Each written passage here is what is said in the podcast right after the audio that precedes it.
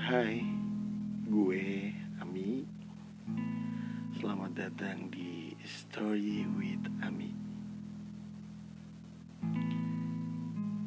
Ini bukan podcast yang menceritakan tentang kisah Romeo dan Juliet atau bahkan kisah Habibie dan Ainun. Tapi lebih tepatnya kisah kehidupan yang selama ini gue jalanin. Dan semoga kisah yang kalian dengarkan ini bisa menginspirasi kalian dan menghibur kalian semua.